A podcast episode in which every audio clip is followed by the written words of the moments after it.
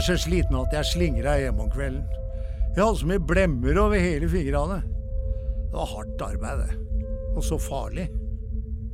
Året er 1953. Historieprofessor Edvard Bull banker på hjemme hos ekteparet Hans og Mathilde Karlsen på Agnes. God aften, mitt navn er Bull. Tusen takk. Bull var opptatt av at historien ikke bare skulle handle om konger og kriger, men også om vanlige arbeidsfolk. Hans og Mathilde hadde jobbet hele livet på Agnes og kunne fortelle professoren fra Oslo om en arbeidshverdag som kunne gå på helsa løs. Den derre fosforen var jo noe ufyselige greier. Ja, fytti helger òg. Han begynte som fyrstikkarbeider på Agnes allerede som tolvåring i 1897. De to første årene arbeidet han i limesalen, men etter konfirmasjonen startet han i selve fyrstikkproduksjonen. Ved århundreskiftet produserte man fyrstikker ved å dyppe trestikker i en fosforblanding. Fosforen var veldig giftig og kunne gjøre stor skade. Det giftige stoffet kom via hendene og maten ned i hullene i tennene og derifra til selve kjevebeinet, som gikk i oppløsning. Dette het fosfornekrose. For å forhindre at fosforen kom ned i selve kjevebenet, måtte tenner med hull trekkes. Ja, Vi hadde jo en doktor i Stavern vi måtte gå til, da. Ja. Han var jo her borte og undersøkte oss tre som var, og rota ned i munnen på oss. Og så om vi hadde noen råtne tenner. Og var det råtne tenner, så var det fort gjort å dra dem ut. ja, det skal være sikkert. Hvis fosforen først kom ned i kjevebenet, ble det porøst og måtte meisles bort. Hans Carlsen kunne fortelle historieprofessoren om hvordan enkelte av arbeidskameratene ble ødelagt av den giftige fosforen. Ja, det var mange som måtte av gårde og meisle. Ja.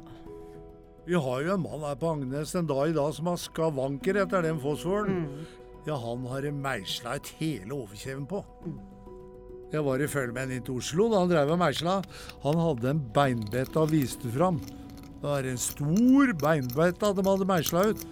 Den var hølete som marken skulle ha krabba imellom hele den bettaen. ja. Og den fosforen, det var da forferdelige greier. Fosforen hadde også en fæl lukt som trakk inn i alt. Ja, grunn av fosforlukta kunne vi ikke komme ut blant andre mennesker uten at noen merka hva vi var for slags folk. ja, sånn var det.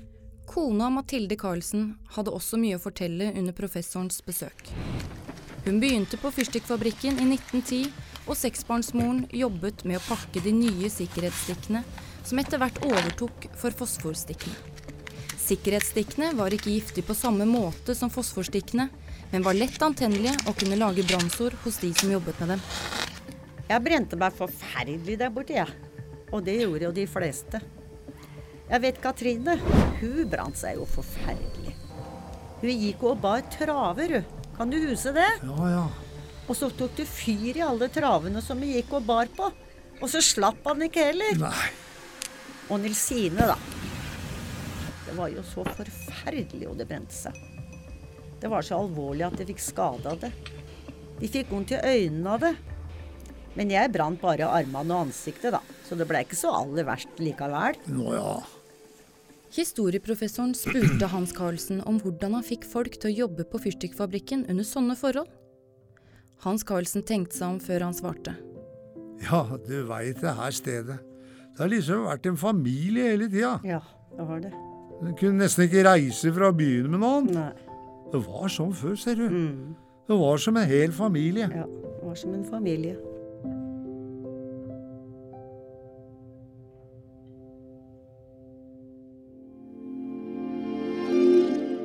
Det var litt av en eh, historie, Kjetil. Ja, heldigvis eh, så har det skjedd en del eh, både på HMS og tannlegefronten siden den gang.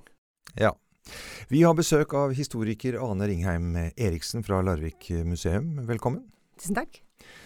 Du, det var litt av noen arbeidsforhold de hadde på fyrstikkfabrikken? Ja, altså Fyrstikkfabrikken var jo et av de aller eh, verste stedene å, å jobbe pga. den gifta man da var utsatt for, eh, for daglig. Og man hadde jo ikke gode muligheter å få vaska, seg, få vaska av seg den gifta heller, ikke sant. Og, og, det, ja, som vi hørte, så fikk, fikk jo det store skader eh, på de som jobba der. Ja, vi har jo lært i disse tider eh, hvor viktig det er å vaske hender. Men vi hørte i innslaget at eh, forholdene heldigvis ble litt bedre etter hvert. Ja, man gikk jo over til andre type fyrstikker eh, ja, tidlig på, på 1900-tallet. Da kom jo de sikkerhetsstikkene som, eh, som ikke var dyppa i den hvite, hvite fosforen. Fordi de fosforstikkene de ble faktisk forbudt, både i produksjon og salg, fra 1913. Så da, ja, da hadde man de sikkerhetsstikkene, og de, de var jo tryggere, men eh, de var jo også litt sånn eh, lett antennelige. Da, så man, da kunne man risikere brannskader, men det var jo tross alt bedre. Hva var grunnen til disse forbedringene? Um, vi, man hadde jo da fått en sånn fabrikktilsynslov i, i 1892. Ja. Den, eh, den var nok først og fremst satt inn for, eh, for å sikre barnas rettigheter i eh, ja, i lovverket. Men det var nok teknologien først og fremst heller enn lovverket som, eh, som gjorde at de, ja, at de stikkene ble bytta ut, da.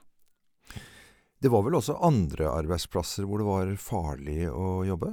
Eh, Det var jo mange, mange steder hvor man, man var jo ikke like opptatt av helse, miljø og sikkerhet som, som man er i, i dag. Og, og sånn som på, på Glassverket, som var en annen stor industriarbeidsplass i, i Larvik, så, så var det jo ikke, det var ikke farlig på samme, samme måte. Men man risikerte jo brannskader eh, når man jobba der. Man fikk jo, fikk jo brannsår. Og, og man jobba jo også i en sånn voldsom varme. Sånn at eh, om sommeren, på de varmeste, varmeste periodene, så, så blei det ofte blåst til eh, noe som het svetterast midt på dagen. eh, hvor, hvor da løp eh, Fikk alle arbeiderne lov til å løpe ut og kaste seg i vannet med, med klærne på.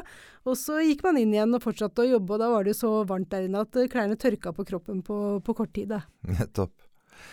En annen yrkesgruppe som hadde en utsatt, og kanskje har en utsatt arbeidsplass, det er jo definitivt sjøfolk.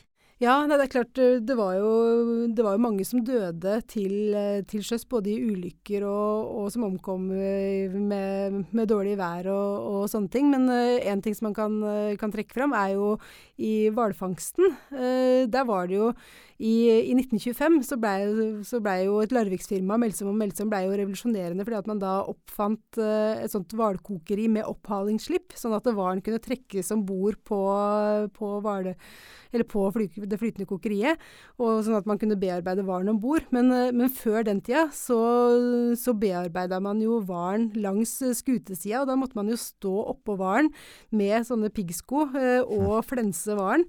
Og de sidene med spekk ble jo da trukket opp langs eh, skutesida, og det var jo eh, ganske farlig og risikabel jobb for de som jobba med det.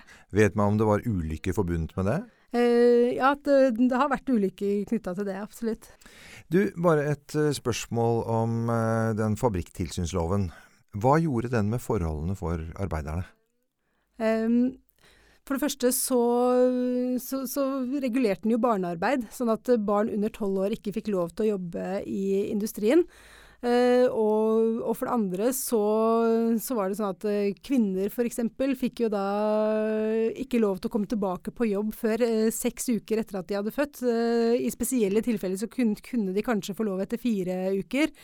Så det, var, det er jo sånne, sånne type regler som høres ganske ville ut for, for oss i dag, da.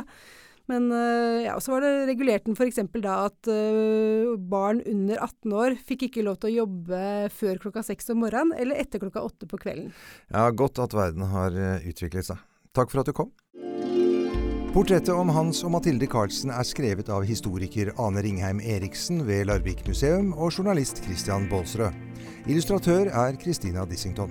I rollen som Hans Carlsen hørte vi Øyvind Lauten, som Mathilde Carlsen, Anne Sofie Sjølyst fra Larvik Teater, og som forteller Stine Berntsen, også fra Larvik Teater.